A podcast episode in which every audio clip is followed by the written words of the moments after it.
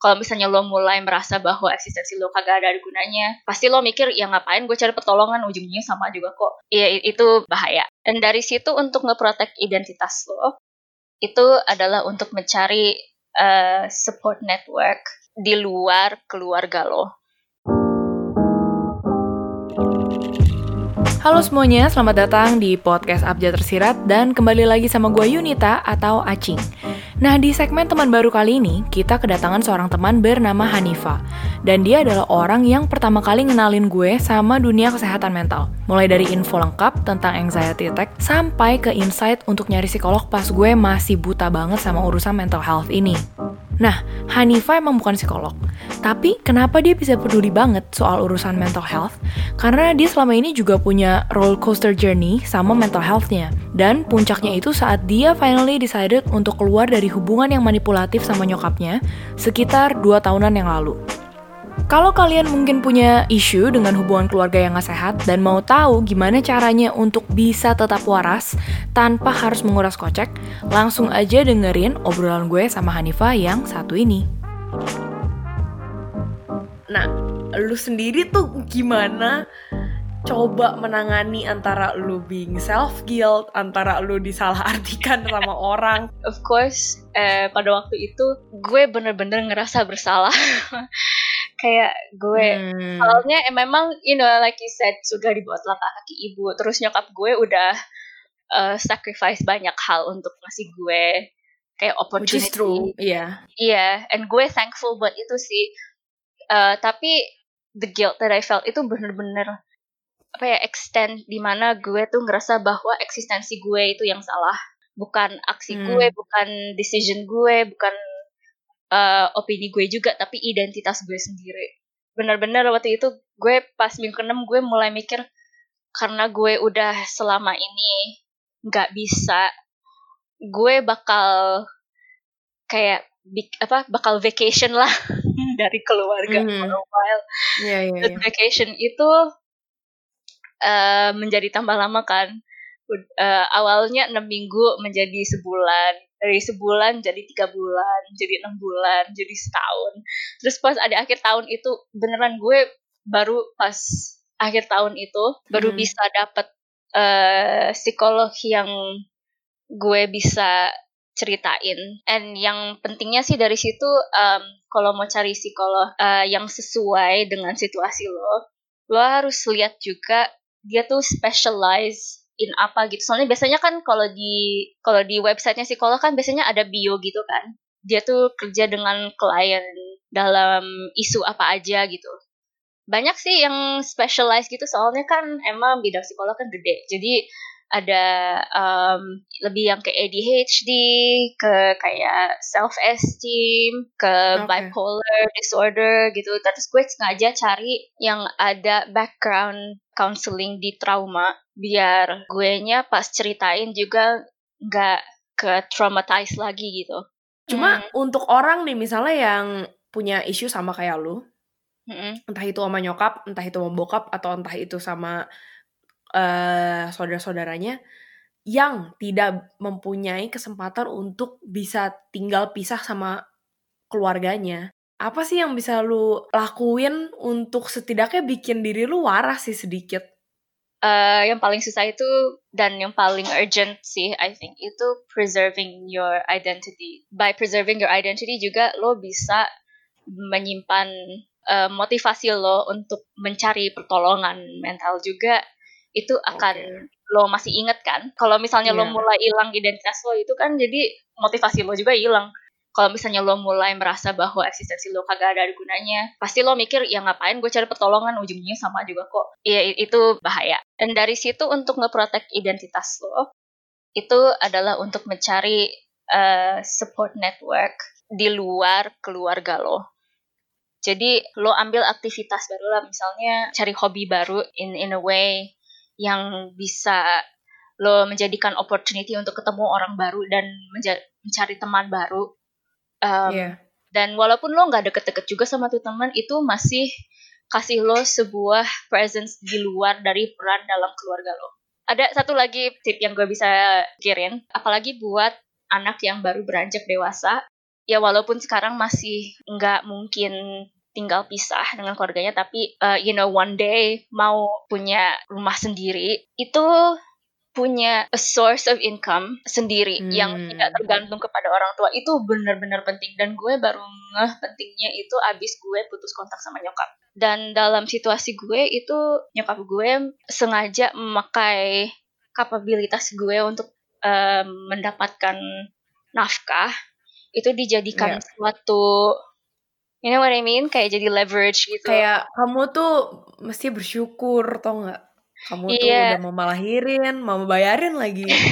Padahal yeah. kamu yang kayak gitu-gitu kan, maksudnya yeah, lu yeah. jadi kayak, like, lu kenapa jadi kayak feel bad ya? kayak feel obligated iya, gitu. Iya. Lu tuh nggak tahu, lu lagi nyium tai kalau lu lagi berada di lingkungan tai gitu kan. Iya. Nah, untuk lu yang udah keluar dari aroma tai gitu ya dan akhirnya mencium wangi seger tuh kayak apa sih? Wangi yang sehat itu untuk apa sih? Untuk paru-paru gitu. Uh, sesuai observasi dan pengalaman lo ciri-ciri keluarga yang hubungannya tidak sehat itu seperti apa sih? Ini pertanyaan yang susah sih soalnya buat orang yang dari kecil diasuh di keluarga di mana dinamikanya toksik itu dinamikanya yang toksik itu nggak kerasa toxic loh. Uh, it feels normal dan baru hmm. ketahuan hmm. bahwa ada sesuatu yang nggak benar itu abis lo uh, mulai beranjak dewasa dan mulai keluar dari lingkungan ya, itu. Lo, iya, lo mulai punya identitas di luar dari keluarga lo. Kalau misalnya gue, lo lihat dari aspek kontrol. How much control does your family have over you? Kalau dari observasi gue sendiri, itu saat di mana lu misalnya udah makin gede dan opportunity itu makin uh, ada entah itu misalnya lu belajar di luar atau lu belajar di luar kota gitu yang maksudnya agak jauh dari family atau lu misalnya dapat kesempatan apa pun lah yang bisa bikin lu berkembang tapi malah uh, pihak keluarga lu nih malah lu nya jadi dibikin lu mau pilih itu atau pilih keluarga lu kayak ah, yeah. Every choice, almost every choice lu disuruh bikin kayak gitu. Mm-mm. Nah itu bikin gila juga kan. Maksudnya it's not something yeah. yang lu nggak lu nggak bisa pilih keluarga lu atau atau itu. yang nggak bisa karena lu part of that family gitu loh. Gue bisa argue itu adalah sebuah pilihan palsu. Ya jadi it's like a hmm. false binary. Lo bisa pilih dua-duanya. It's not impossible lo misalnya kan pasti nggak sedikit orang yang pergi kuliah ke luar negeri. Terus setelah mereka graduate setelah wisudaan mereka ambil skills yang mereka udah pelajari di situ. Mereka balik yeah. ke keluarganya terus diinvest balik ke keluarganya kan. Misalnya dengan diberikan uh, kontribusi lah gitu. Iya. Nah itu kan itu kan ya ada sacrifice sementara. Tapi in the end lo pilih both perkembangan lo, tapi juga itu untuk kebaikan keluarga lo kan. Ya, yeah, win-win solution. Iya, iya. Tapi makanya itu adalah menurut gue itu adalah pilihan palsu. And gue juga bisa argue bahwa kalau misalnya ada suatu pattern di mana lo hmm. sering hmm. uh, dikasih pilihan palsu kayak gini dengan keluarga lah, komunitas lah, pacar lah atau teman, yeah. itu adalah suatu uh, form of apa yang kita panggil gaslighting, di mana realita yang lo experience mm-hmm. itu dipertanyakan orang lain sampai lo mempertanyakan realita diri sendiri. Kalau dijadiin sebuah pilihan, dijadiin sebuah ultimatum yang sebenarnya nggak wajar menjadi ultimatum. Itu menurut mm-hmm. gue adalah gaslighting dan itu okay. bendera merah yang lumayan sangat besar. True.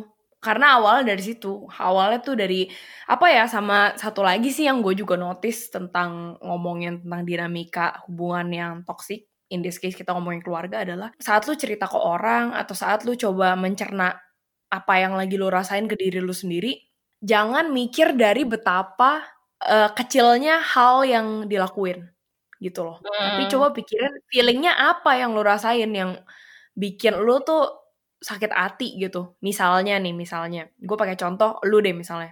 Lu bakal sakit hati nggak kalau misalnya uh, lu cerita ke orang, terus lu bilang gila gue tuh bener-bener nggak bisa ngeliat email dari nyokap gue karena gue bener-bener langsung pengen muntah terus orang yang ngomong ya ampun cuma lihat email doang gitu you know what I mean Iya, iya, tahu, or tahu. itu misalnya lu lagi tanya ke diri lu sendiri Mm-mm. kok gue tuh cuma ngeliat email doang kayak gini ya maksudnya orang lain tuh nggak selalu jahat sama kita kita loh yang jahat sama diri kita sendiri most of the time gitu dan Iya. menurut gue kayaknya itu kan nggak bisa ya maksudnya you will never uh, realize it's a traumatic event kalau misalnya lu masih jahat sama diri lu sendiri gitu loh Nif jadi sih gue rasa juga observasi yang cukup penting tentang hubungan toksik itu adalah bukan di mana lu tuh hal kecil gitu ya. Terus lu coba justify itu enggak. Yang penting itu feelingnya sensasinya ke badan lu tuh apa gitu.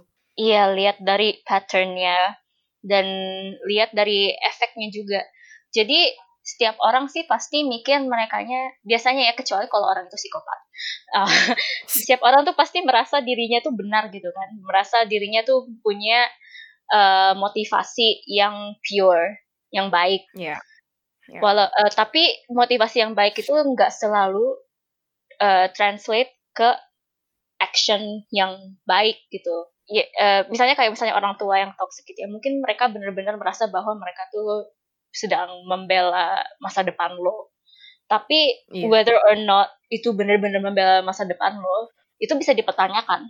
Oke, kita dari tadi ngomongin mental health dan uh, kita ngomongin tentang isu uh, dinamika keluarga yang nggak sehat. Tapi, do you think yang kita omongin ini tuh hal privilege, Nif?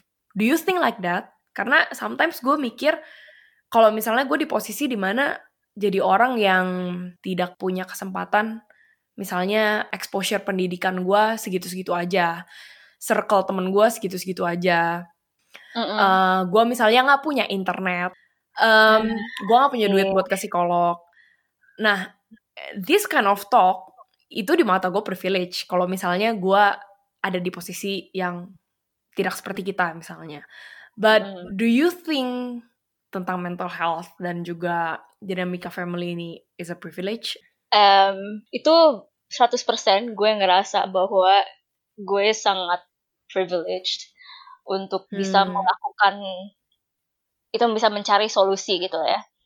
Topik mental health itself itu nggak harus sih jadi suatu privilege karena itu bisa dibuat dalam informasi yang lebih aksesibel. Tapi memang itu solusinya itu benar-benar sesuatu yang terinfluence privilege.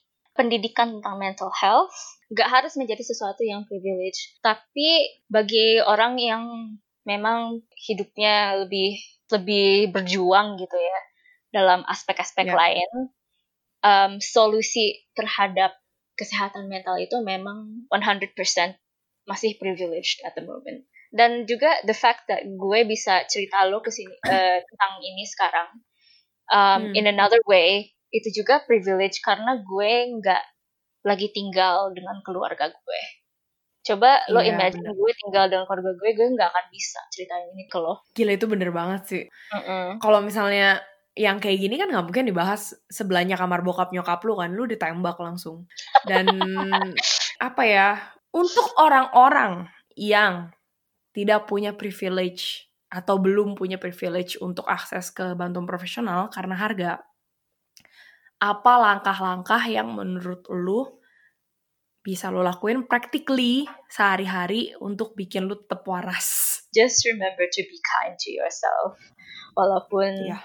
orang lain mungkin nggak ngerti apa yang lo lagi going through, apa yang lo lagi experience. Yang penting lo menjadi teman diri sendiri.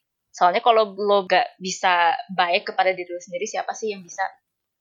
Um, olahraga sih sebenarnya it's a good one, a- kayak gerak badan. Soalnya itu, Ya. itu um, waktu kita masih primitif dulu ya, uh, Homo sapiens awal era awal banget. Kita tuh ngeluarin itu biasanya fight atau atau flight. Kadang-kadang Ya. freeze, tapi fight atau Hmm. flight itu dua-duanya mengkonsumsi energi.